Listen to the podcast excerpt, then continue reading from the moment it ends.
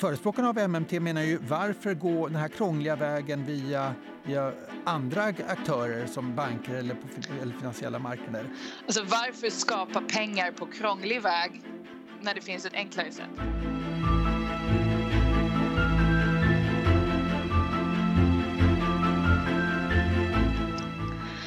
Detta är Molén och Marsall. Katrin Marsall heter jag. Jag sitter idag på länk från Storbritannien och i den varma studion i Stockholm sitter Claes Molén och funderar fortfarande vad jag förstår på de ekonomiska effekterna av coronaviruset. Vi pratade om det här förra gången och det här är fortfarande högt i marknadens medvetande, eller hur? Ja, men det får man säga. Och det är ju då, som du sa, de ekonomiska konsekvenserna. Inte så mycket fokus längre på hur många nya smittor Eh, smittade det är, även om det är naturligtvis fortfarande viktigt, utan det är just konsekvenserna av Kinas agerande där man ju i princip stängde ner ekonomin under en tid och den är ju inte fullt uppe eh, i normal takt ännu och då måste man ju räkna på hur slår det här på aktiviteten under det första kvartalet och vilka blir spridningseffekterna? Vi hade en vinstvarning från Apple tidigare i veckan som ju ehm, just var en effekt av det här och hur många fler bolag kommer rapportera eh, om problem och så vidare. Så det, det, är både det här kortsiktiga, vad, hur påverkar det Q1, alltså första kvartalet, både makromässigt men också för företagen. Men sen vad får det för långsiktiga konsekvenser? För att virusutbrott kommer ju komma tillbaka. Och hur ska man se på liksom leverantörskedjor där Kina för industrin och för konsumentmarknaden är otroligt viktig. Hur, hur, hur vågar företagen hantera det här? Mm, mm. Här i Storbritannien har det varit diskussion om Jaguar Land Rover också som har fått problem, verkar det som, just med de här leverantörskedjorna. Det där är ju fantastiskt egentligen när man tänker på det. Det var ju samma diskussion kring Brexit när man verkligen får en bild av hur ohyggligt sammanlänkat det hela är globalt.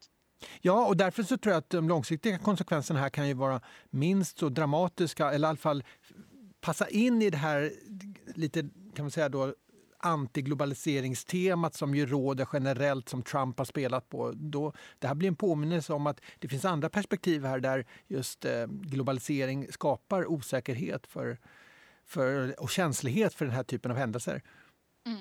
Så att företag ser över den här typen av risker då, risker då i sina leverantörskedjor och kanske väljer att lägga produktion någon annanstans? Ja, alltså, man ska inte utesluta det. Det är ju tidigt än så länge men jag tror att den frågan kommer leva kvar på styrelseborden. Mm, mm. Ja, intressant. Och här i Storbritannien så har det ju smält till ordentligt i den ekonomiska politiken även om jag inte tycker att det har fått kanske tillräckligt mycket uppmärksamhet att finansministern avgick här i förra veckan. För det är ganska stora ekonomiska implikationer av det skulle i alla fall jag säga. Ja, men och vad blir det för, vad är effekterna? ja, nej, eh, det var ju Sajid Javid som eh, avgick. Boris Johnson eh, tvingade väl mer eller mindre bort honom även om han inte ville bli av med honom riktigt. Men så blev det som det blev i politiken.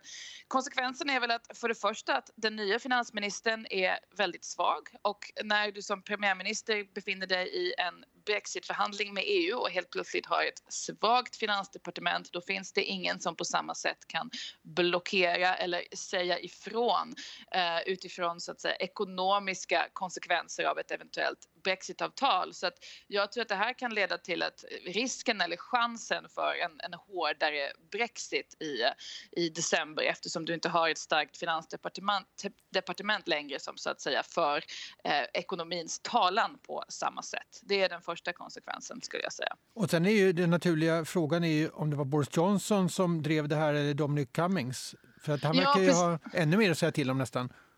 Nej, precis. Dominic Cummings som då är Boris Johnsons eh, väldigt nära rådgivare. Eh, och det, var ju, det är ju han som bestämmer i väldigt hög grad just nu som folk har börjat oroa sig över. Det är ju in, inte så bra när det inte är premiärministern som styr landet utan misstänks vara en av hans närmsta rådgivare som då inte är vald istället. Så att visst, det där är en faktor. Mm. Eh, men sen så den andra st stora ekonomiska konsekvensen av det här tror jag är att det nog kan leda till att vi får se en mer expansiv brittisk finanspolitik. För att den här konflikten i regeringen mellan å ena sidan Boris Johnson och som du säger hans rådgivare Dominic Cummings och finansministern som nu har avgått handlade i hög grad om det här. Hur mycket pengar ska Boris Johnson få spendera på sina sjukhus och broar och tåglinjer som han vill bygga? Och där höll finansministern emot och nu är den finansministern borta och en politisk lättviktare där istället. Och det tror jag leder till att vi kommer få se en mer, ännu mer aktiv finanspolitik från Storbritannien. Så det är egentligen både EU-frågan och eh, expansiv finanspolitik som var de två stötestenarna här kan man säga? Eh, ja, precis. Det fanns ju fler skäl till avgången, men det är väl de som jag tror spelar roll. Och eh, här tycker vi kommer till något intressant, Claes. För att Boris Johnson är ju en konservativ politiker och konservativa partier brukade, som jag minns det, jag är inte allt för gammal, bry sig om det där med budgetbalans tidigare. Men det verkar de inte göra längre. Nej, och här finns ju en koppling också till USA för Trump är ju trots allt republikan, i alla fall på pappret. Och där har man ju också brytt sig om eh, balans. Och eh, där bedrivs ju också i ännu större utsträckning en, en expansiv finanspolitik utan utsikter att eh, skapa balans i, i budgeten och utan utsikter egentligen att minska ökningen av av um, statsskulden. Så att det är helt klart en ny giv som vi ser på båda sidor om Atlanten. För vad hände egentligen med Donald Trump? Han pratade ju 2016 i valrörelsen, minns jag och många andra. Då var det en väldig kritik av Obama som ju faktiskt hade balanserat budgeten i hög grad. Men då skulle Trump plötsligt betala av hela underskotten på åtta år eller vad det nu var. Och sen tillsatte han i alla fall någon sån här finansiell hök när han direkt blev president. Men sen har det varit helt andra bullar och stora stimulanser och nu är det här väl ett rekordstort underskott i fredstid i alla fall samtidigt som då ekonomin är i full sysselsättning. Ja absolut och det är det som sticker ut allra mest när det gäller Trumps eh, finanspolitik just att det är så stort underskott trots att det är en stark ekonomi.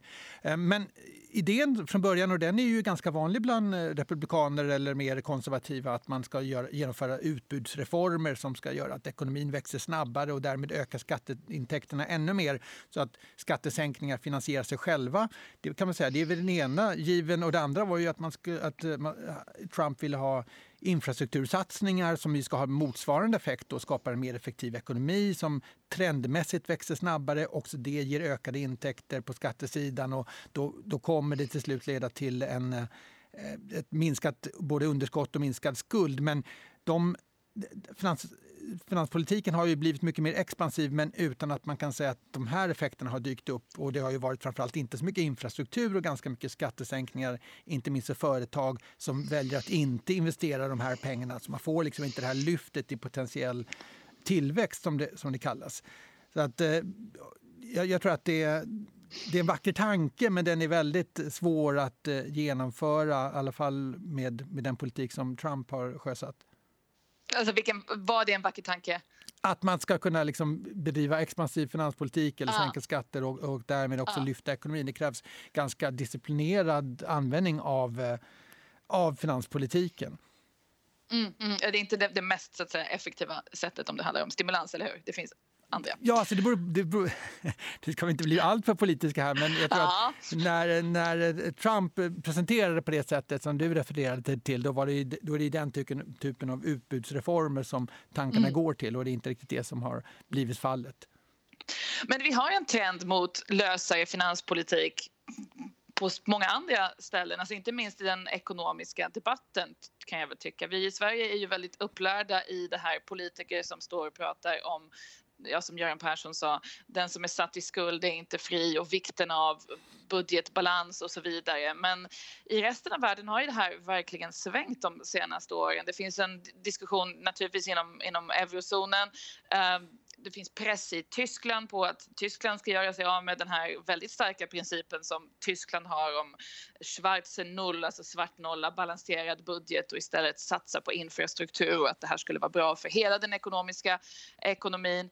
I Japan har man inte brytt sig om budgetbalans på ett par decennier och även ekonomer börjar prata om det här på ett annat sätt, eller hur? Ja, absolut. Och eh, en anledning, kanske den viktigaste, att det här hamnar högt upp på dagordningen just nu är ju att centralbanker har ju i någon mening kommit till vägs ände. ECB ligger ju på minusräntor, eh, har, fortsätter att öka sin balansräkning genom att köpa obligationer på marknaden.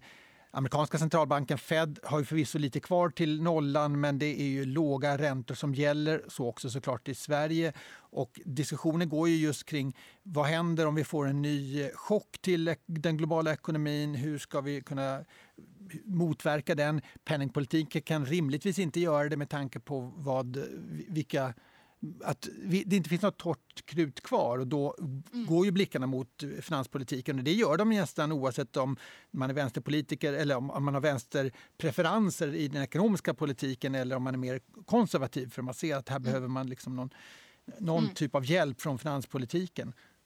Mm. Du skulle säga att det här är inte liksom någon slags ideologisk förändring att plötsligt konservativa partier vaknar upp en dag och tänker oj, vänstern hade rätt om eurokrisen eller vänstern hade rätt om keynesianismen utan det här handlar om den låga inflationsmiljön. Absolut.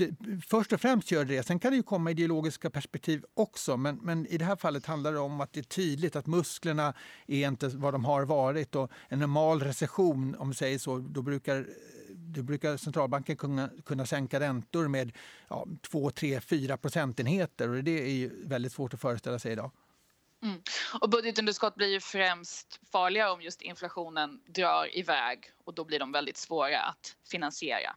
Ja, just inflationen är det ju väldigt få i dagsläget som oroar sig för. Och eh, sen ska man också komma ihåg att eh, man kan tycka då att marknaden inte oroar sig för amerikanska budgetunderskottet eller för den delen eh, brittiska finanspolitiska expansionen. Men det är ju en väldig skillnad om man har sin egen valuta och mm. eh, därmed kan så att säga, lite grann göra som man vill eller om man befinner sig i ett valutasamarbete som i euroområdet där ju vi fick stora effekter av underskott i Grekland. Där har ju saker och ting gått mycket bättre på slutet. Men även Italien som ju fortsätter att ha långsiktiga problem där underskott inte kan finansieras eh, via, eh, via centralbanken eller via att, så att säga, trycka mer pengar på något enkelt sätt utan där mm. man eh, ja, där man helt enkelt måste vara mer disciplinerad.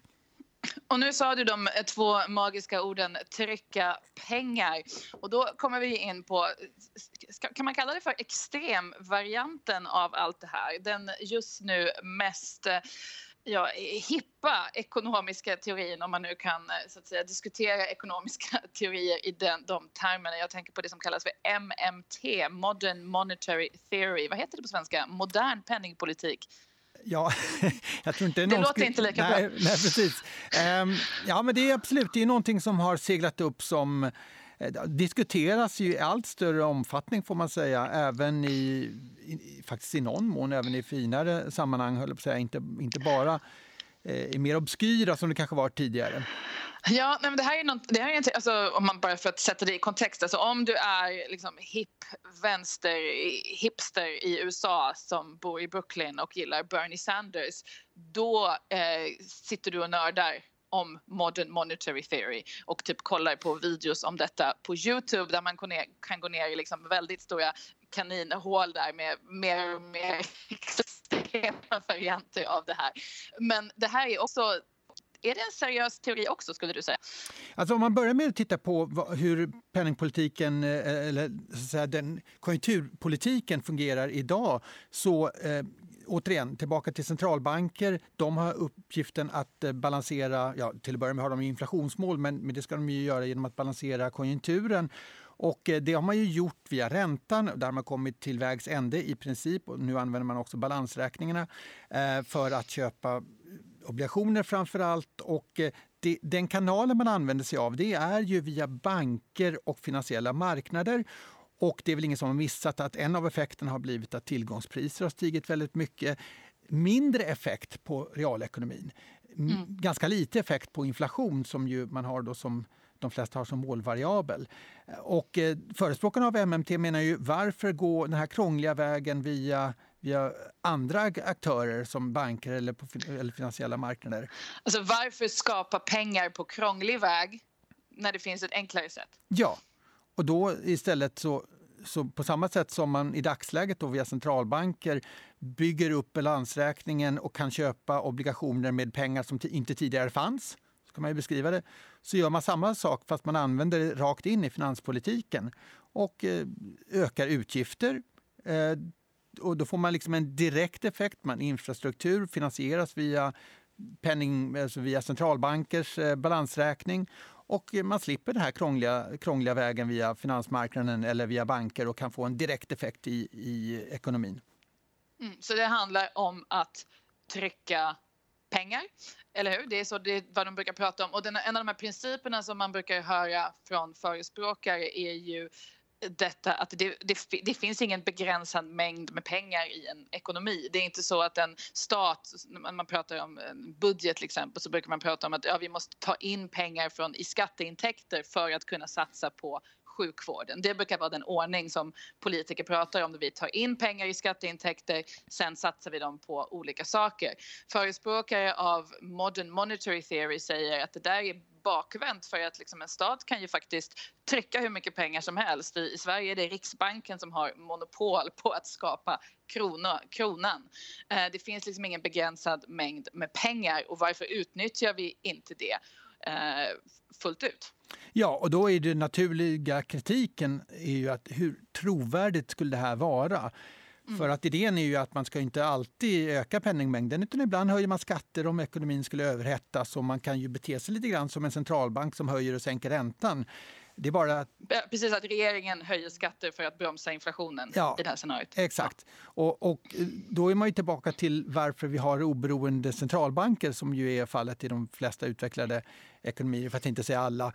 Att eh, det är ju för att det är mer trovärdigt mm. menar ju mm. då de traditionalisterna. Att eh, man vet att man har inte några val att ta hänsyn till. För har man ett val att ta hänsyn till så är det väldigt svårt att bedriva en restriktiv ekonomisk politik eftersom det kommer göra väljarna missnöjda. Så att då är ju så belackarna, och de är ju fortfarande i majoritet får vi säga när det gäller MMT, de menar ju att en sån här väg skulle ju skapa en väldigt stor risk för för väldigt mycket inflation och minskat förtroende för pengar och den ekonomiska politiken eftersom man skulle hela tiden se att det här skulle kunna leda till långsiktig monetär finansiering utan möjligheter att bromsa det här. Mm. Vad jag har svårt att förstå är liksom att, om jag har förstått det här rätt, så den, den bromsen de säger att liksom vi, ja, vi kan trycka mycket pengar som helst. Om Bernie Sanders säger att han vill ha ett, liksom ett uh, gratis sjukvård för alla, då är det bara att, liksom, att vi, vi fixar det och sen löser vi det med finansieringen genom, genom att då uh, ja, skaffa dollars. Uh, vad jag inte begriper, om jag har förstått det här rätt, är ju att uh, ja, å ena sidan så så kan du finansiera i princip vad du vill eftersom du bara kan plocka pengarna från det magiska pengaträdet. Men då om inflationen trots allt går upp och det börjar bli dyrt att finansiera det här underskottet, då är den broms du har att, precis som du sa, höja skatterna.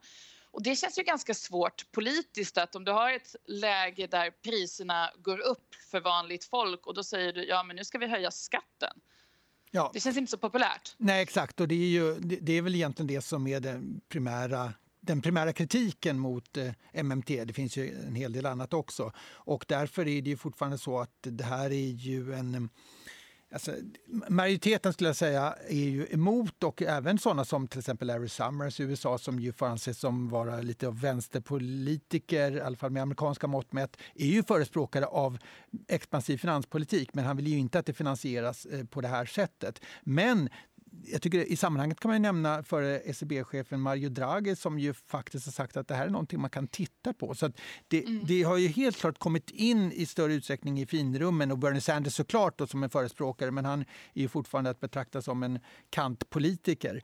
Um, mm. så, så att det, jag tror just i det här perspektivet när vi har centralbanker som inte har så mycket krut, vi kommer också in i en fas i den globala ekonomin där demografin, det har vi pratat om tidigare, blir allt mer besvärlig, allt mer lik det japanska med långsamt växande arbetskraft eller till och med krympande arbetskraft som det kommer vara i Europa. Och att skapa, eh, att skapa stimulanser i en sån miljö eh, är, är inte helt enkelt och, och då kan just den här idéer få lite luft under vingarna.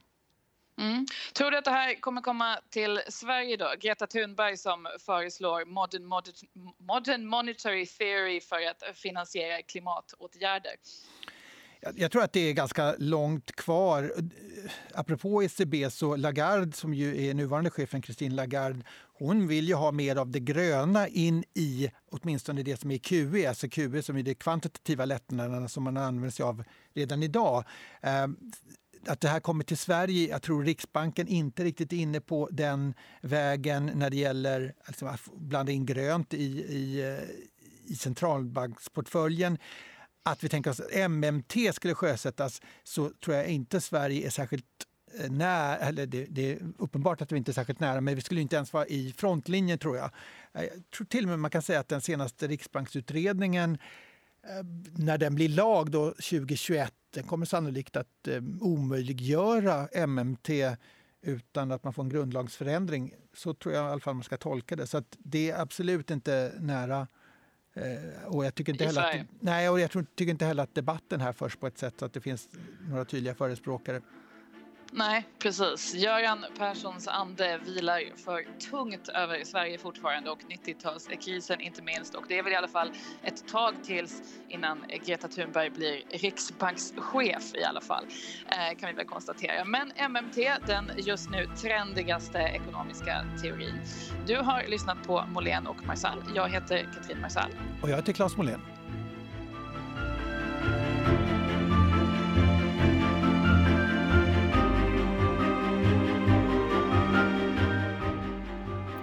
Den här podden görs av EFN Ekonomikanalen.